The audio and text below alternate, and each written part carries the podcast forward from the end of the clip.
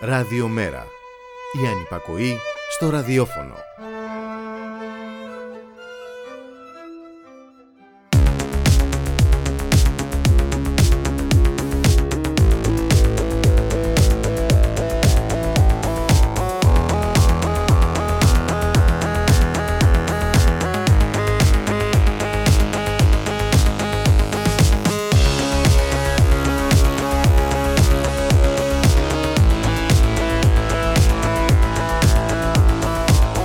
Γεια σας. Ξεκινάει και σήμερα το παραλαφούσι με την Πάολα Ρεβενιώτη, στην αρχισυνταξία ο Τάκης Κουρκουρίκης και στον ήχο ο Γιώργος Ονομικός.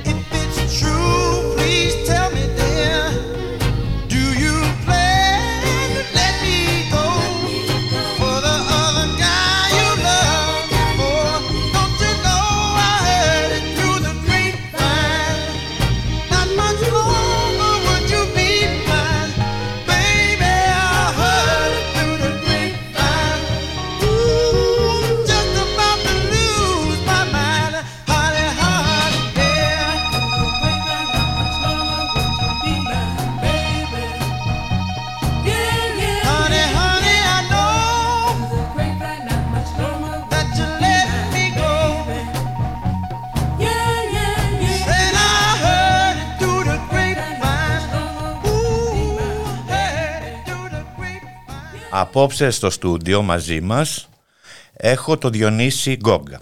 Ένα νέο παιδί, 22 χρονών και κούκλο μπορώ να πω. Με καταγωγή από την Αλβανία που μεγάλωσε στον σταθμό Λαρίς, στη γειτονιά μου. Σπούδασε στη Θεσσαλονίκη Διεθνείς Σχέσεις και τώρα ζει και εργάζεται εκεί. Καλησπέρα Διονύση. Καλησπέρα Παύλα. Ε, σε ευχαριστώ πάρα πολύ για την πρόσκληση. Ε, Ό,τι θες, μπορείς να με ρωτήσεις. Εγώ σε ευχαριστώ. Πώς φαίνεται τη Θεσσαλονίκη που ζεις τώρα εκεί, Πολύ ωραία. Ναι. Ε, σαν πόλη μου αρέσει πάρα πολύ. Τώρα έχω έρθει στην Αθήνα. Ε, βλέπω κάτι διαφορετικό. Ε, δεν συγκρίνονται τα δύο. Ε, αλλά και τα δύο έχουν την ε, δικιά τους ομορφιά. Έχουν κάτι ξεχωριστό και οι δύο πόλεις. Ε, μου έχουν προσφέρει πάρα πολλά και συνεχίζουν να μου προσφέρουν. Η μία με έμεσο τρόπο και η άλλη με άμεσο αλλά και οι δύο οι πόλεις αυτές με έχουν στιγματίσει και εξελίσσομαι διαρκώς. Αυτή τη στιγμή στη Θεσσαλονίκη. Ε, στη Θεσσαλονίκη τι δουλειά κάνεις, πού δουλεύεις; Αυτή τη στιγμή εργάζομαι στο Αμερικάνικο Κολέγιο, ε, είναι του Ανατόλια. Εργάζομαι με φοιτητές. Ε, ο ρόλος μου είναι ε, τα πάντα, ό,τι μπορείς να φανταστείς. Ε, τους βγάζω, τους διοργανώνω, διάφορες εκδηλώσεις. Ε, προσπαθώ να έχουν μια όσο πιο μαλή ε, διαμονή στην Θεσσαλονίκη, επειδή έρχονται για τέσσερις μήνες, τύπου Εράσμους, αλλά της Αμερικής, ε, Study Abroad λέγεται, και έρχονται οι φοιτητές εδώ και τους βοηθάω με τα πάντα. Παίρνω και δίνω. Ε, είναι μια ωραία σχέση ε, με τους φοιτητές. Και γνωρίζει και κόσμο. Βέβαια, ναι. Σε τι ηλικία έρθεις στην Ελλάδα; Ε, γεννήθηκα, Γεννήθηκες, ε. για αλήθεια είναι, ε, στην Ελλάδα. Ε, α, οι γονείς μου από την Αλβανία. Ε, γεννήθηκα το 99, Σεπτέμβρη. Ε, και από τότε ε, έζησα στον ε, σταθμό Λαρίσης, όπου έβγαινα και για μπάσκετ, εκεί στη γειτονιά. Ε, και μου πρόσφερε πάρα πολλά αυτή η γειτονιά. Με έκανε να γνωρίσω ε, άτομα τα οποία βλέπω και συνεχίζω να βλέπω και τους εκτιμώ και ξέρουν ποιοι είναι. Ε, οπότε νιώθω πολύ ωραία που έχω επιστρέψει και ξαναβλέπω το σταθμό Λαρίσης. Ε, και έζησα στην Αθήνα μέχρι τα 15 όπου και μετανάστευσα στην Αλβανία μαζί με την αδερφή μου. Πήγαμε και ζήσαμε με τους παππούδες, με τη γιαγιά και τον παππού. Ε, ο πατέρας μου είχε αντιμετωπίσει ένα πρόβλημα ε, όταν ήμουν 12 ετών, έπαθα εγκεφαλικό και ήταν σε μια δύσκολη και ευάλωτη θέση. Πήραμε την απόφαση να πάμε στην Αλβανία, όπου το Φιέρι πήγα συγκεκριμένα, να χαιρετήσει και το Φιέρι, ε, όπου μου πρόσφερε όσα δεν μου έχει προσφέρει καμία άλλη πόλη, για διάφορους λόγους, και για καλούς και για κακούς λόγους, αλλά τώρα που το κοιτάω σε retrospective, που βλέπω πίσω τα χρόνια αυτά, ε, με έχουν στιγματίσει. Οπότε ε, υπάρχει ένα τρίπτυχο στη ζωή μου, ε, Αθήνα, Φιέρι και ύστερα Θεσσαλονίκη, όπου και μένω σήμερα. Και εργάζομαι και φίτησα στη Θεσσαλονίκη και την έζησα όπως λίγοι την έχουν ζήσει. Ε, είχα καλούς ανθρώπους στο πλάι μου, ανθρώπους που μπορεί να μην έχω ακόμα, αλλά έχουν συμβάλει στη διαμόρφωση της προσωπικότητάς μου. Αυτή τη στιγμή που μιλάμε, είμαι ο Διονύης που είμαι επειδή με έχουν στιγματίσει ε, αυτοί οι άνθρωποι. Ε, οπότε ε, αυτές οι τρεις είναι οι πόλεις, αυτή είναι η πολύ σύντομη ιστορία μου. Στο σχολείο, ε, ε, στη, στο σταθμό Λαρίς πήγες στο σχολείο εκεί; Ε, ναι, ε, έκανα το δημοτικό εκεί, έκανα και το γυμνάσιο εκεί ε, και την πρώτη ηλικίου πήγα ίσα δύο χρόνια ε, στην Αλβανία ε, με τον παππού και τη γιαγιά όπως είπα. Ε, τα χρόνια εδώ στην Ελλάδα ήταν πολύ ωραία. Ε, είμαι τυχερός επειδή μεγάλωσα σε μια γειτονιά όπως ο σταθμός Λαρίσης ε, που, να σου πω την αλήθεια, για παράδειγμα, στο γυμνάσιο που ήμουν, ε, είχα πολλούς που κατάγονταν από την Αλβανία επίσης. Ε, μπορώ να πω ότι ήμασταν πάρα πολλοί. Άρα δεν αντιμετώπισες ρατσισμό στα, σε αυτά τα χρόνια; Όχι. Όχι έτσι. Ε, έχει να κάνει πάρα πολύ ότι ήμουνα στην Αθήνα και στο σταθμό Λαρίση συγκεκριμένα. Αν ήσουν σε κάποια άλλη γειτονιά μπορεί να είχες προβλήματα. Δεν ξέρω για μένα, αλλά από ιστορίες που έχω ακούσει από άλλα άτομα ε, που διαρκώς ε, γνωρίζω, ε, δεν θα εστιάσω σε άλλες γειτονιές, θα πω σε άλλες πόλεις. Ε, έχουν βιώσει πράγματα τα οποία εγώ είμαι τυχερός που δεν έχω βιώσει. Οπότε σε αυτό το κομμάτι ε, δεν, έχω, δεν έχω στιγματιστεί κάπως, ε, τουλάχιστον σε κοινωνικό βαθμό. Ε, οπότε η κάθε ιστορία, κάθε Αλβανού που γεννιέται στην Ελλάδα και μεγαλώνει στην Ελλάδα και παίρνει ελληνική παιδεία είναι διαφορετική. Οπότε ε, εγώ έχω μια συγκεκριμένη ε, εμπειρία, την οποία θα συζητήσουμε. Ε, τον, πάντως στο σταθμός Λαρίσης είναι ωραία γειτονιά. Να Ωραία, τη λέμε ωραία και είναι. την αλήθεια, Ωραία. ζεστή, ανθρώπινη Ναι, ναι. και παρόλο που έχει κακή φήμη, έτσι. Ε, λιγάκι εντάξει. Αλλά δεν... Είναι από αυτές τις γειτονιές. ναι. Να ακούσουμε ένα τραγουδάκι. Να ακούσουμε, ναι.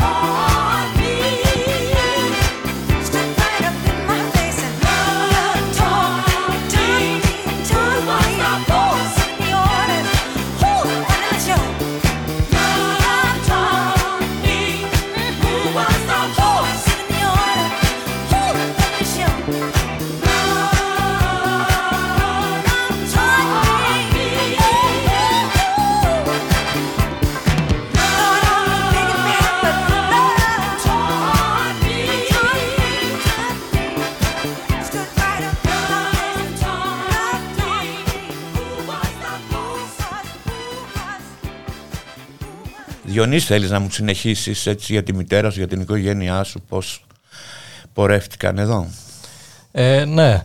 Ε, η μητέρα μου, κοίτα, ε, γενικά, γενικότερα όλη η κοινότητα των Αλβανών που μεταναστεύσανε ε, κάνανε συγκεκριμένες δουλειές, χειρονακτικές κυρίως, ε, με προκαθορισμένους ρόλους, δηλαδή ο πατέρας μου ήταν εργολάβος, πήγαινε μπογιατζής που λέμε, ε, πήγαινε, έβαφε οικοδομές, ε, τύπου εγώ στο μυαλό μου τον έχω σαν αρχιτέκτονα. Ότι είχε εκεί τα χρώματα, έβγαζε το μεγάλο, το πινέλο, το ρολό ε, και άριξε τους τοίχους και τους έβαφε. Ε, η μητέρα μου έκανε μια, ένα άλλο είδος ε, χειρονακτικής δουλειάς ε, ε, σε σπίτια, πήγαινε, σημάζευε. Πάλι για τη μητέρα μου στο μυαλό μου, ε, επειδή την έχω τώρα στη ζωή της, λέω πάντα ε, είσαι και εσύ αρχιτέκτονας, της λέω. Μπαίνεις εκεί μέσα, ε, τα φτιάχνεις έτσι όπως θες, το καθαρίζεις, είναι ο δικός σου χώρος. Ε, οπότε και το κάνει.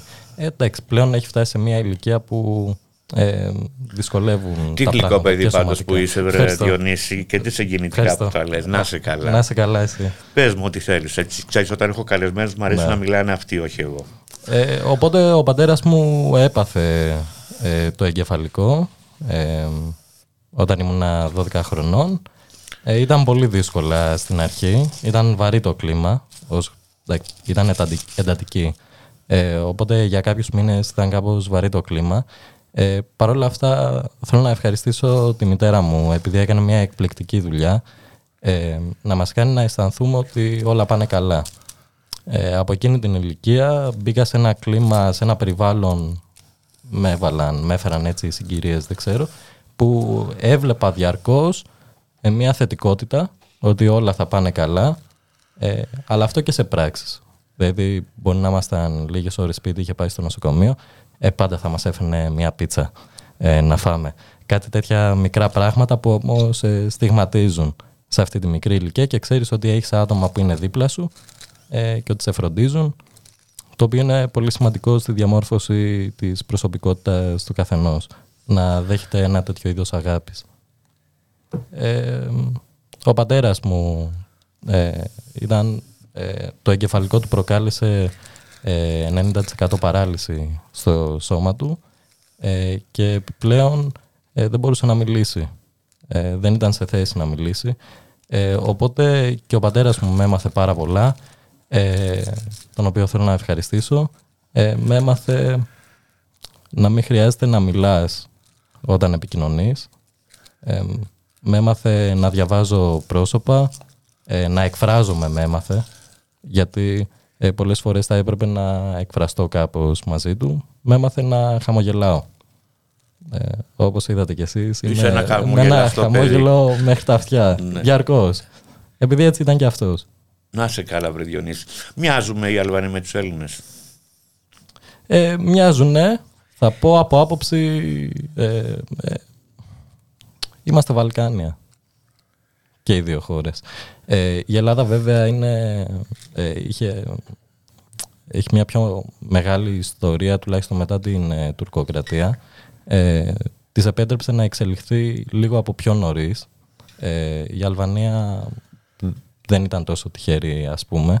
Ε, οπότε έχει βιώσει πάρα πολλά η Αλβανία τις τελευταίες δεκαετίες ε, πριν το 2000, ε, οι οποίες ε, τραγωδίες θα τις ονομάσω, ε, κάναν το λαό αποξενωμένο, να μην δει πολύ πολιτισμό απ' έξω, ε, αλλά όλα αυτά αλλάξανε και πιστεύω ότι αλλάζουν σιγά σιγά. Ε, δεν θα πω ότι από άποψη ανεκτικότητας, τουλάχιστον αυτά που έχω βιώσει στην Ελλάδα εγώ σαν Διονύσης, δηλαδή το πόσο ανεκτική είναι σε διάφορες απόψεις ή αντιλήψεις που έχουν για τη ζωή. Από προσωπική μου εμπειρία έχω παρατηρήσει ότι τουλάχιστον είναι διαφορετικά. Ε, στην Ελλάδα είναι διαφορετικά, ε, ε, τη κοιτάνε τη ζωή πιο, πιο καθαρά θα πω. Ε, στην Αλβανία αυτό που βίωσα ήταν διαφορετικό. Την κοιτούσαν τη ζωή λίγο πιο... Ε, σαν να μην έχεις πολλές δυνατότητες στη χώρα σου. Ε, μια απάθεια για τη χώρα. Ε, το οποίο είναι αποτέλεσμα πολλών τραγωδιών που έχουν λάβει μέρος στη χώρα. Πάντως είναι προκομμένοι άνθρωποι. Είναι, ναι. Και δουλευταράδες. Ε, είναι. Και, ε, Όπως όλοι οι μετανάστες. και ο- μου κάνει εντύπωση το, το ότι έχουν ε, τον αυτοσκα, το αυτοσαρκάζονται πολύ εύκολα. Άντερε Αλβανέ, Ναι. ξέρεις ένα μεταξύ τους κάτι που οι Έλληνες δεν το έχουμε. Και θα σου πω αυτό, όταν είσαι μειονότητα σε μια χώρα, ε, δημιουργείς ε, τρόπους ούτως ώστε να βιώσεις την όλη εμπειρία σου ε, στην συγκεκριμένη τη χώρα πιο ευχάριστα. Ε, ένας τρόπος είναι να ομαδοποιείσαι, δηλαδή να βρίσκεις άτομα που έχετε πάνω κάτω ίδια βιώματα, ίδια γλώσσα, ε, οπότε υπάρχει και μια μεγαλύτερη ανοχή στο εσωτερικό της ομάδας ας πούμε. Ε, όπως πιστεύω γίνεται και με άλλους μετανάστες από άλλες χώρες. Ε, είναι ένα φαινόμενο το οποίο είναι απολύτως φυσιολογικό. Ε, μια άνεση που έχεις με κάποιο άτομο που ξέρεις ότι είστε σε διάφορους βαθμούς ε, ίδιοι. Να ακούσουμε ένα τραγουδάκι.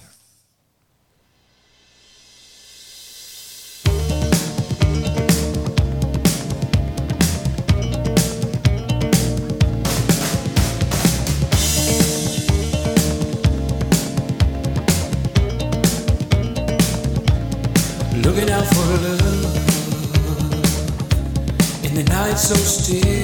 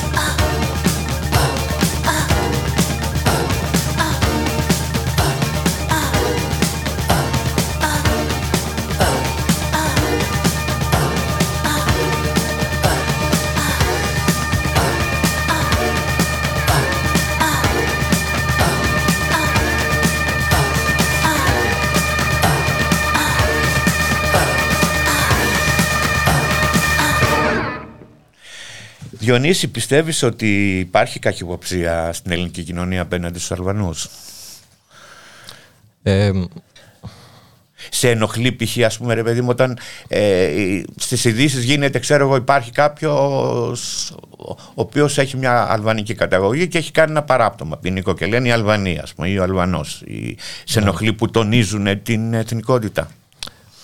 Ναι, δεν θα αναφερθώ τώρα το, ε, τόσο πολύ τι κάνουν οι ειδήσεις. Ε, γενικότερα αυτό είναι ένα άλλο ζήτημα, πιστεύω. Ε, θα μιλήσω πιο πολύ ε, σε προσωπικό βαθμό. Ό,τι θέλεις εσύ. Ε, ναι. Ε, κοίτα, πιστεύω για πολλές μειονότητες, ε, η πλειονότητα πάντα, όποια και αυτή είναι, υπάρχουν πολλές πλειονότητες, αναλόγως πώς το δεις. Ε, αλλά η πλειονότητα κατά κύριο λόγο, ε, μέσω διάφορων στερεοτύπων, ε, δημιουργεί διάφορες προκαταλήψεις, ε, οι οποίες πάντα κρύβουν μία δόση αλήθειας. Ε, το θέμα είναι ότι η προκατάληψη αυτή, ε, σαν προκατάληψη, δε- η ουσία της είναι ότι ε, δεν λέει όλη την αλήθεια. Η μία προκατάληψη. Ας πούμε ότι οι Αλβανοί κλέβουν. Είναι μία προκατάληψη. Το λέμε ε, και σαν αστείο, μπορεί να υποθεί σε μία παρέα, σε μία παρέα αλλά πολλοί το έχουν εσωτερικεύσει, ε, έστω υποσυνείδητα, πολλοί. Ε, μια μεγάλη μερίδα των ανθρώπων. Και όχι μόνο για τους Αλβανούς, ε, για όλους τους λαούς ε, και για άλλες κοινωνικές τάξεις και άλλους ανθρώπους που μπορεί να είναι διαφορετικοί. Ε, και αυτές οι προκαταλήψεις ενεργοποιούνται μόλις επιβεβαιωθεί κάτι που νομίζαν ότι ξέραν ότι είχαν σαν αλήθεια. Για παράδειγμα, αν πιστεύει, αν έχει την προκατάληψη ότι οι Αλβανοί κλέβουν και του ή της ληστέψουν το σπίτι και δουν ότι είναι Αλβανοί, ε, αμέσως θα πει να, το ήξερα ότι είναι κλέφτες. Οπότε επιβεβαιώνεται. Ε, μπορεί να γίνουν 10 διαρρήξεις, μπορεί να μην είναι από Αλβανούς, αλλά θα συγκρατήσεις αυτή την μία φορά ε, που ήταν Αλβανοί, επειδή έχεις την προκατάληψη. Αυτό ισχύει για πολλά θέματα και ε, προκαταλήψεις έχουμε για... και εγώ ο ίδιος έχω προκαταλήψεις. Ε, είναι δύσκολο να μην έχεις. Καλό είναι να έχουμε θετικές προκαταλήψεις, ε, προκαταλήψεις οι οποίες δεν προκαλούν ε, κακό ε, σε άλλους ανθρώπους ή σε άλλες ομάδες. Ε, προκαταλήψεις λίγο πιο, πιο ειρηνικές να έχουμε.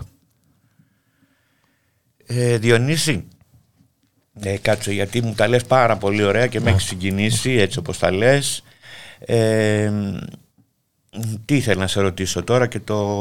Δεν πειράζει. και κόλλησα. Ναι. Ε, μπορώ να πω... Α, πήγα στην Αλβανία επίσης. Να- μπορώ α, να ναι. μιλήσω και γι' αυτό. Ναι, θέλω άμα να, θέλεις. να σε ρωτήσω αυτό που θέλω να σε ρωτήσω Ναι. είναι το ότι πας στην Αλβανία σε θεωρούν ξένο. Στην Ελλάδα σε θεωρούν ξένο. Το βλέπα και με τον ε, ε, γιο μου τον Κοστέλ που ήταν Ρουμάνος. Εγώ όταν πήγαινε στην, ε, στη Ρουμανία τον θεωρούσαν ξένο πάλι. Εδώ στην Ελλάδα πάλι ξένο. Ναι. Αυτό το νιώθεις εσύ; Ε, το νιώθω, ναι. Ε, εγώ το έχω ονομάσει φιλοσοφία, φιλοσοφική αδιέξοδο. Ε, εντάξει, απλά έχω δώσει μια ονομασία. Ε, το έχω αναφέρει σε κάποιους.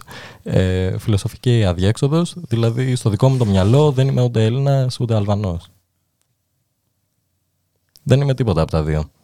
Ε, είμαι κάπου στη μέση, αλλά δεν υπάρχει κάποια ονομασία γι' αυτό. Τι είμαι. Και πολλές φορές το αναρωτιέμαι, ε, ειδικά τα τελευταία χρόνια, που εργάζομαι κιόλας στην Ελλάδα ε, και που δεν έχω ελληνική ταυτότητα. Αυτό με πλήγει. Ε, ε, ταυτόχρονα όμως δεν νιώθω ούτε Αλβανός. Ε, και αυτό το νιώθω πάρα πολύ όχι όταν είμαι στην Ελλάδα, επειδή όσο είμαι στην Ελλάδα αυτό με ενώνει πάρα πολύ με υπόλοιπους Αλβανούς. Ε, αλλά όταν βρίσκομαι στην Αλβανία δεν νιώθω Αλβανός. Ε, νιώθω Έλληνας. Όταν είμαι στην Ελλάδα νιώθω Αλβανός. Ε, τουλάχιστον με άλλους ανθρώπους. Αλλά όταν είμαι μόνος ε, δεν νιώθω τίποτα. Ούτε Έλληνας ούτε Αλβανός. Τι είμαι.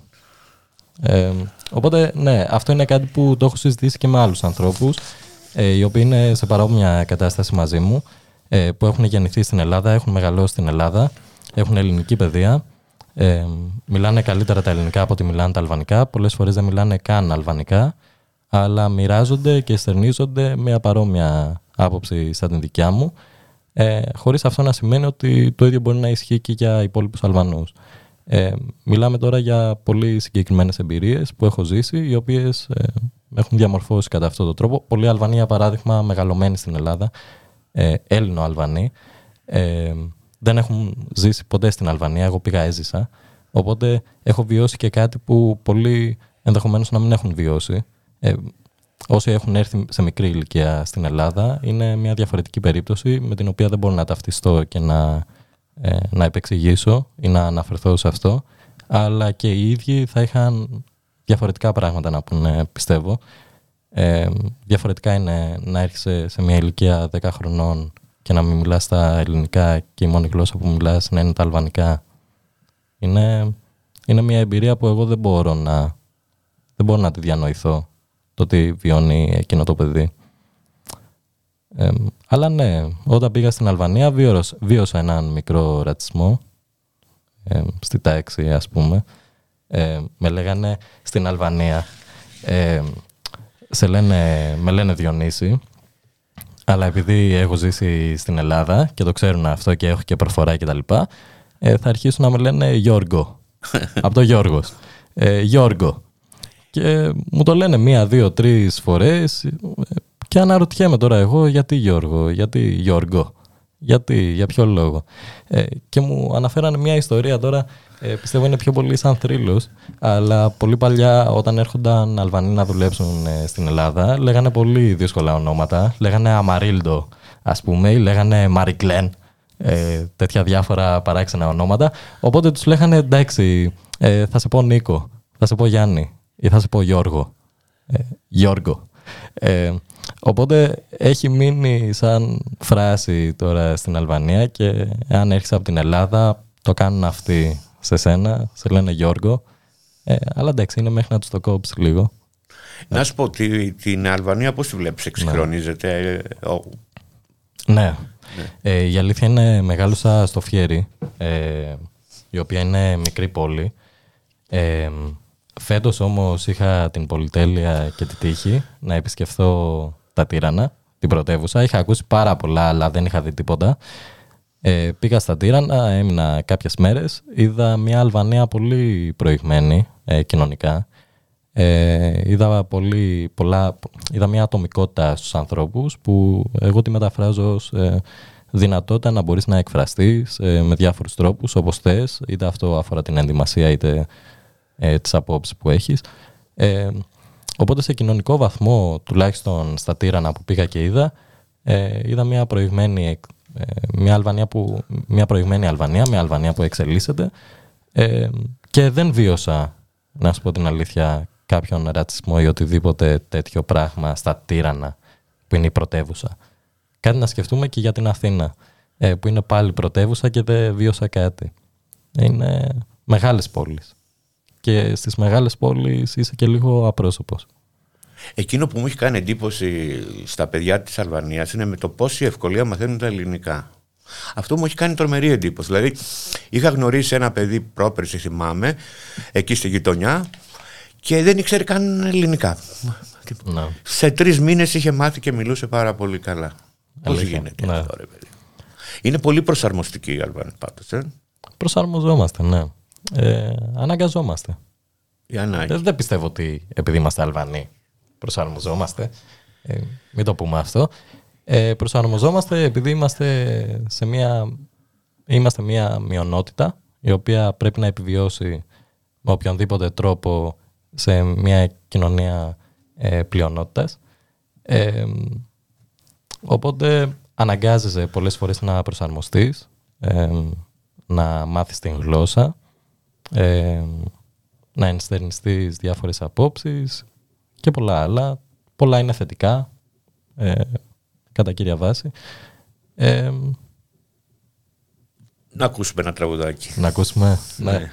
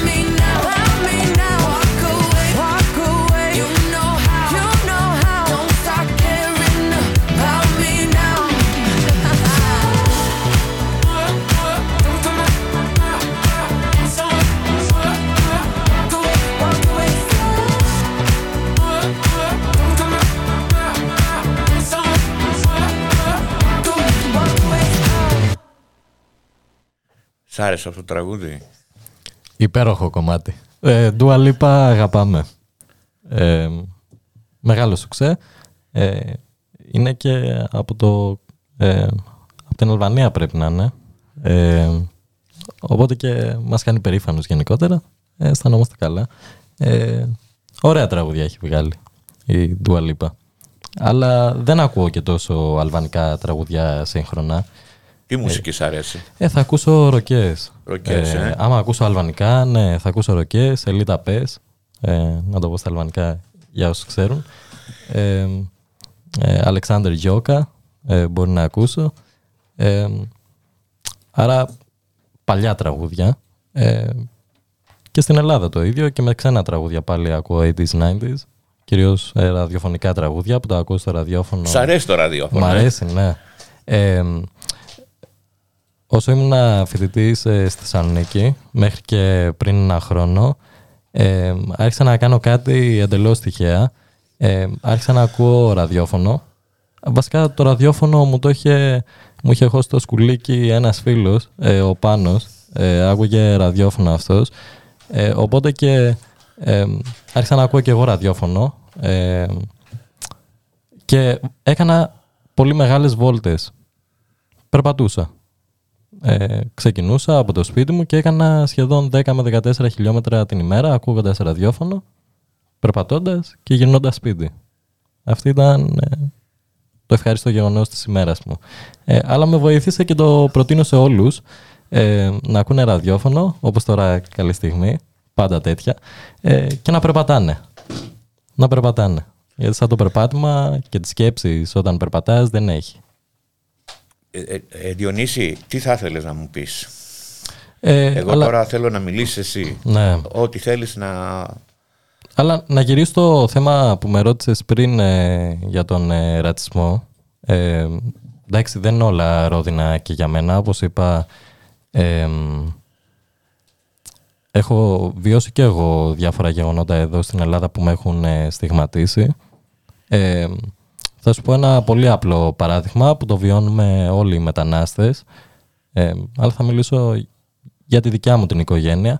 Είναι που πηγαίναμε στο Αλλοδαπών και έπρεπε εγώ τώρα τεσσάρων χρονών έχω αναμνήσεις, πέντε χρονών, έξι, εφτά, να πηγαίνουμε στο τμήμα και απλά το γεγονός ότι είχαμε ένα άτομο να κάθεται σε ένα γραφείο να μας κάνει γρήγορες ερωτήσεις, να μας σημειώνει και μετά να φεύγουμε και να μας δίνουν ένα χαρτί, ε, αυτό με έχει στιγματίσει.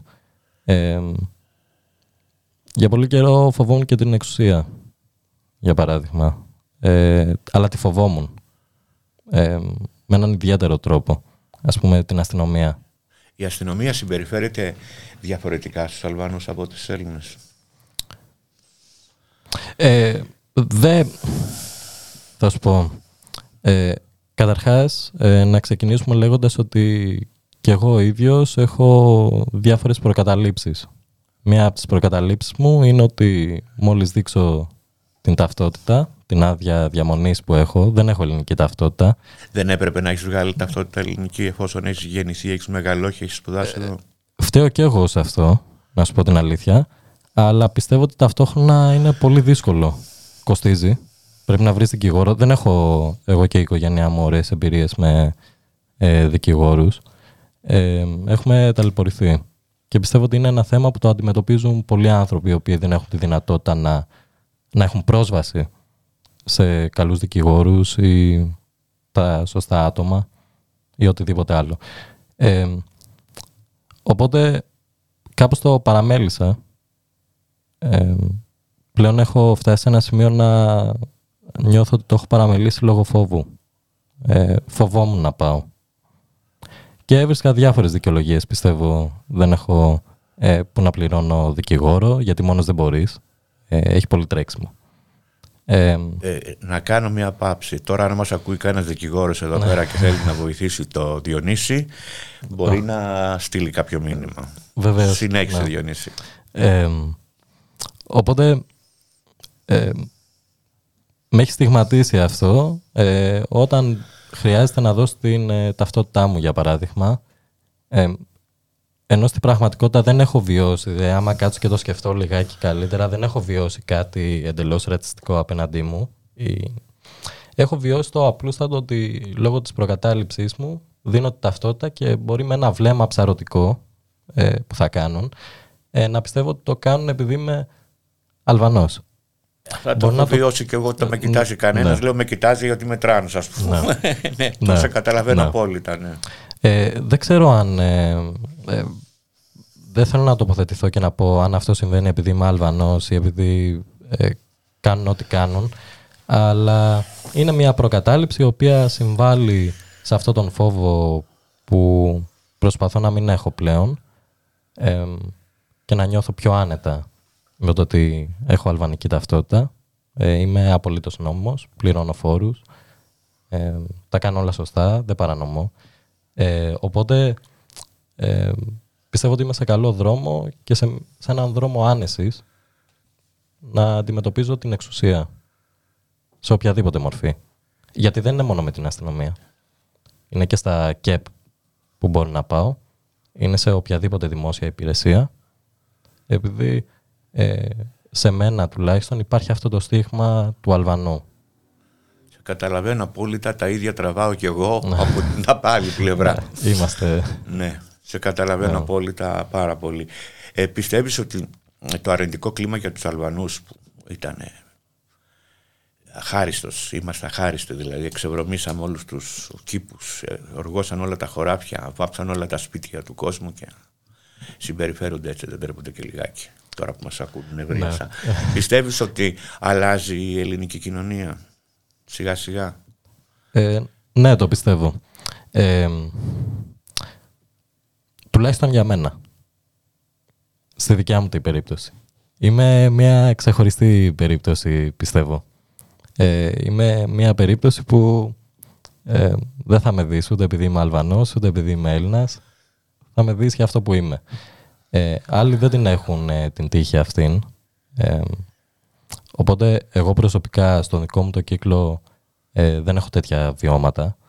Αλλά έχω συζητήσει και μ' αρέσει να συζητάω ε, με ανθρώπους που έχουν μεγαλώσει στην Ελλάδα, ε, που κατάγονται από την Αλβανία και το πώς βιώνουν την Ελλάδα κτλ. Ε, προσπαθώ να συζητάω μαζί τους ε, και τα δικά τους τα βιώματα είναι διαφορετικά. Αν εγώ έχω ε, αν έχω μια προκατάληψη, αυτοί έχουν μια πιο δυνατή προκατάληψη ε, και λόγω ατυχών γεγονότων τους ενδυναμώνεται αυτή η προκατάληψη και καταλήγουν να μην νιώθουν άνετα ε, για το που κατάγονται και για την ίδια τους την ύπαρξη. Γιατί το να ξέρεις ποιος είσαι ε, είναι πολύ σημαντικό. Και ορισμένοι άνθρωποι δεν το έχουν αυτό. Ε, όπως και εγώ πολλές φορές όταν είμαι μόνος. Διονύση, ε, για πες μου τα όνειρά σου. Πώς θες να συνεχίσεις τη ζωή σου με τις σπουδές, καριέρα σου; Ε, έχω παρατηρήσει ότι ε, ε, ε, όποτε κάνω πλάνα ε, δεν βγαίνουν. Ε. Α, Ε, ναι, ναι, παρόμοια κατάσταση. ναι, παρόμοια. Εντάξει. Ε, δεν είμαι ο μόνος. Ε, ναι, όποτε κάνω πλάνα, ε, όχι απαραίτητα βγαίνουν. Ε, αλλά αυτή τη στιγμή ε, όνειρο έχω να συνεχίσω να ε, γνωρίζω ανθρώπους που θα με στιγματίσουν, ε, να συνεχίσω να είμαι ανοιχτόμυαλος ε, σε καινούργια ερεθίσματα, ε, να γνωρίσω ανθρώπους ή να πάω σε καινούργια μαγαζιά ή οτιδήποτε. Ε, θέλω να συνεχίσω να είμαι έτσι. Και δεν ξέρω. Αυτά τα δύο. Ε, αυτά είναι τα πλάνα μου για το μέλλον. Να σου πω, πες μου ένα στοιχείο, αν και δεν μ' αρέσει να τις κάνω αυτές τις ερωτήσεις έτσι, αλλά θα τις κάνω. Πες μου ένα στοιχείο που πρέπει να είσαι υπερήφανος που είσαι Αλουανός. Γιατί σου είπα, δεν μ' αρέσει να τις κάνω αυτές τις ερωτήσεις, αλλά ναι. Ε, θα σου πω αυτό. Ε, έχω δουλέψει, ε, γενικότερα έχω αρχίσει να δουλεύω από μικρή ηλικία, ενώ σπούδαζα ταυτόχρονα. Ε, είχε τύχει τώρα πριν κάτι χρόνια να δουλέψω σε μια επιχείρηση σε ένα εστιατόριο ε, και ήταν πολύ μεγάλο το προσωπικό, ε, ο αριθμός. Παίζει να ήταν 20 άτομα αναβάρδια. Οπότε ήταν κάπως τρομακτικό το να πηγαίνεις και να ε, ξεκινάς ε, μια τέτοια δουλειά με τόσο κόσμο, ομαδικό κλίμα, καινούριο ομαδικό κλίμα κτλ. Οπότε ε, πηγαίνοντας εκεί παρατήρησα ότι πολλά άτομα από το, από το προσωπικό τους ε, είναι από την Αλβανία.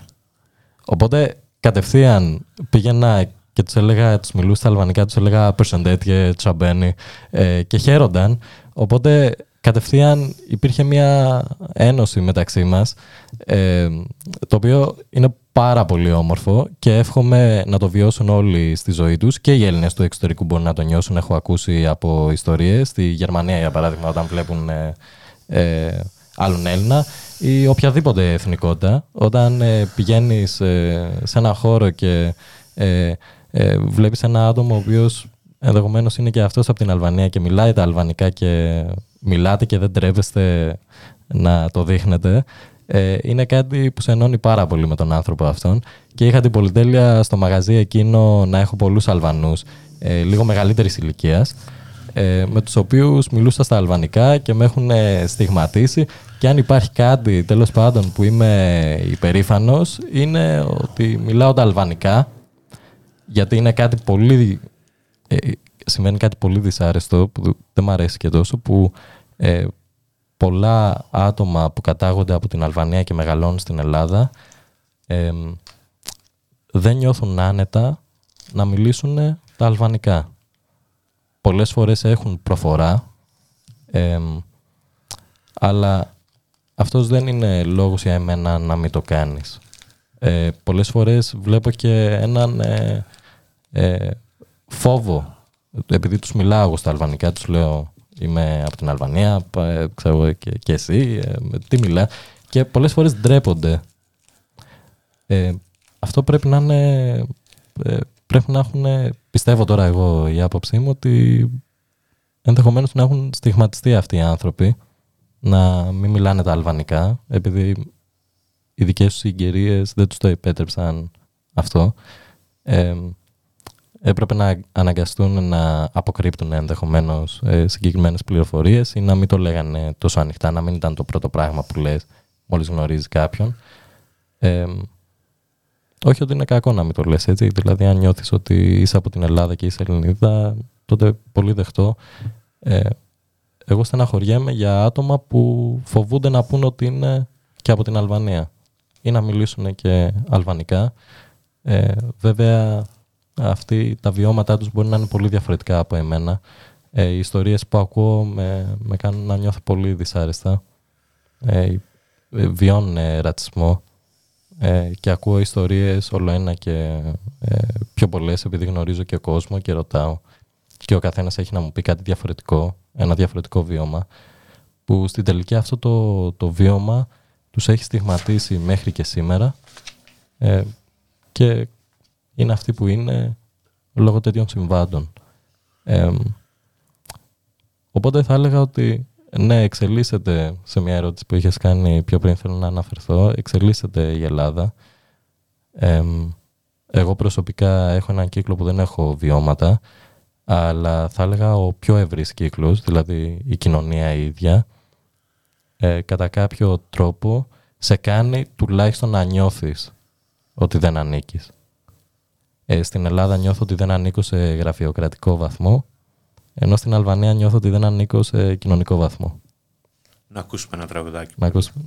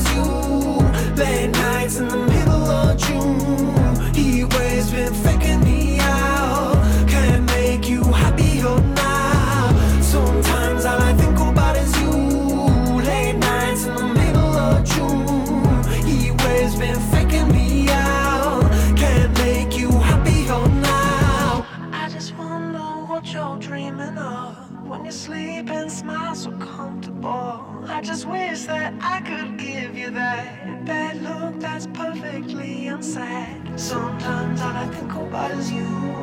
Late nights in the middle of June. Heat waves been faking me out.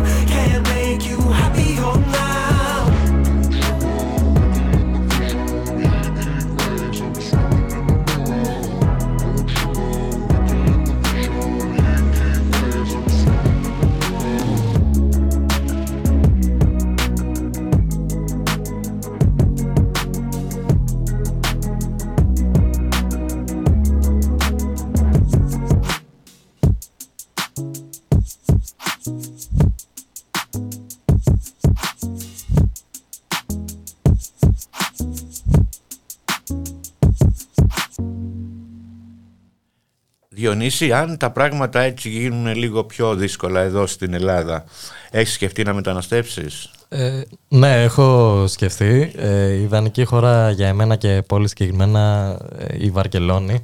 Ε, ναι, ε, δυστυχώς δεν μπόρεσα να πάω ποτέ. Ε, Να πας, να πας, θα ταιριάζεις πάω, εκεί θα πέρα. πάω ε, με την πρώτη ευκαιρία.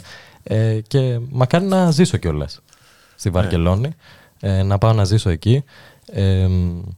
Ε, πιστεύω ότι θα είναι, τη ζωή μου τη βλέπω σε στάδια. Ε, σαν κεφάλαια, σε βιβλίο. Οπότε υπάρχει το πρώτο κεφάλαιο, ε, σταθμός Λαρίσης, το δεύτερο κεφάλαιο το Φιέρι, το τρίτο κεφάλαιο η Θεσσαλονίκη με ε, μικρότερα κεφάλαια ενδιάμεσα ε, και γιατί όχι να είναι και η Βαρκελόνη το επόμενο κεφάλαιο. Στο εύχομαι να πας, είναι και ωραία η Βαρκελόνη, Ευχαριστώ. πανέμορφη.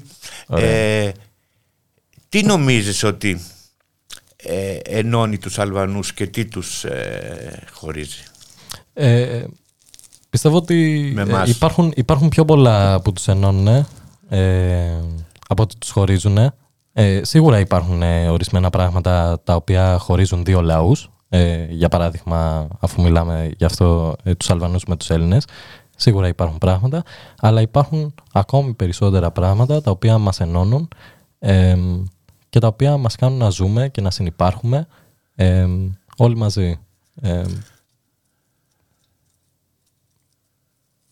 είναι ωραία. Διονύση, είμαι πάρα πολύ τυχερή που σε είχα καλεσμένο. σε ευχαριστώ σήμερα. πάρα πολύ. Σε Εδώ ευχαριστώ πέρα πάρα με πολύ. συγκίνησες. Είσαι ένα παιδί πρότυπο, πραγματικά.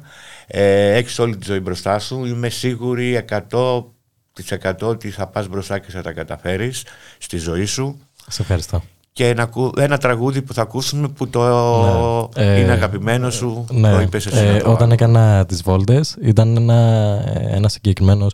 Ε, ως γνωστό εντάξει, όταν ε, βολτάρεις και ακούς μουσική υπάρχουν ε, συγκεκριμένοι καλλιτέχνες οι οποίοι σε στιγματίζουν ε, και πιο συγκεκριμένα υπάρχουν ε, συγκεκριμένα κομμάτια τα οποία σε στιγματίζουν ακόμη πιο πολύ. Ε, το κομμάτι είναι το Heroes, είναι του David ε, Bowie ε, υπέροχος καλα- καλλιτέχνης ε, και ένα ακόμα πιο υπέροχο τραγούδι.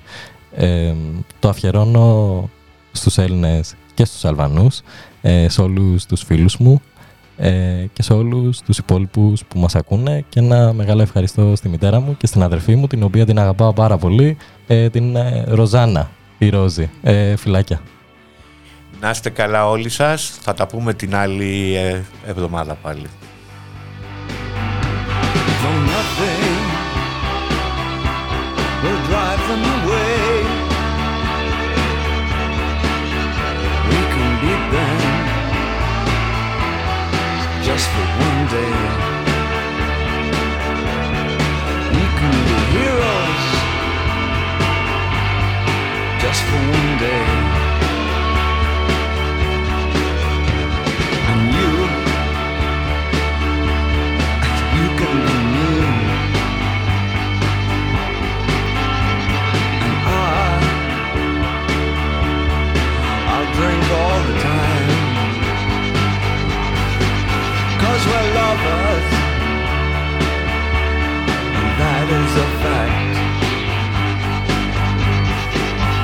we're lovers, that is that. Though nothing will keep us together, we could steal time just for one day. We can be heroes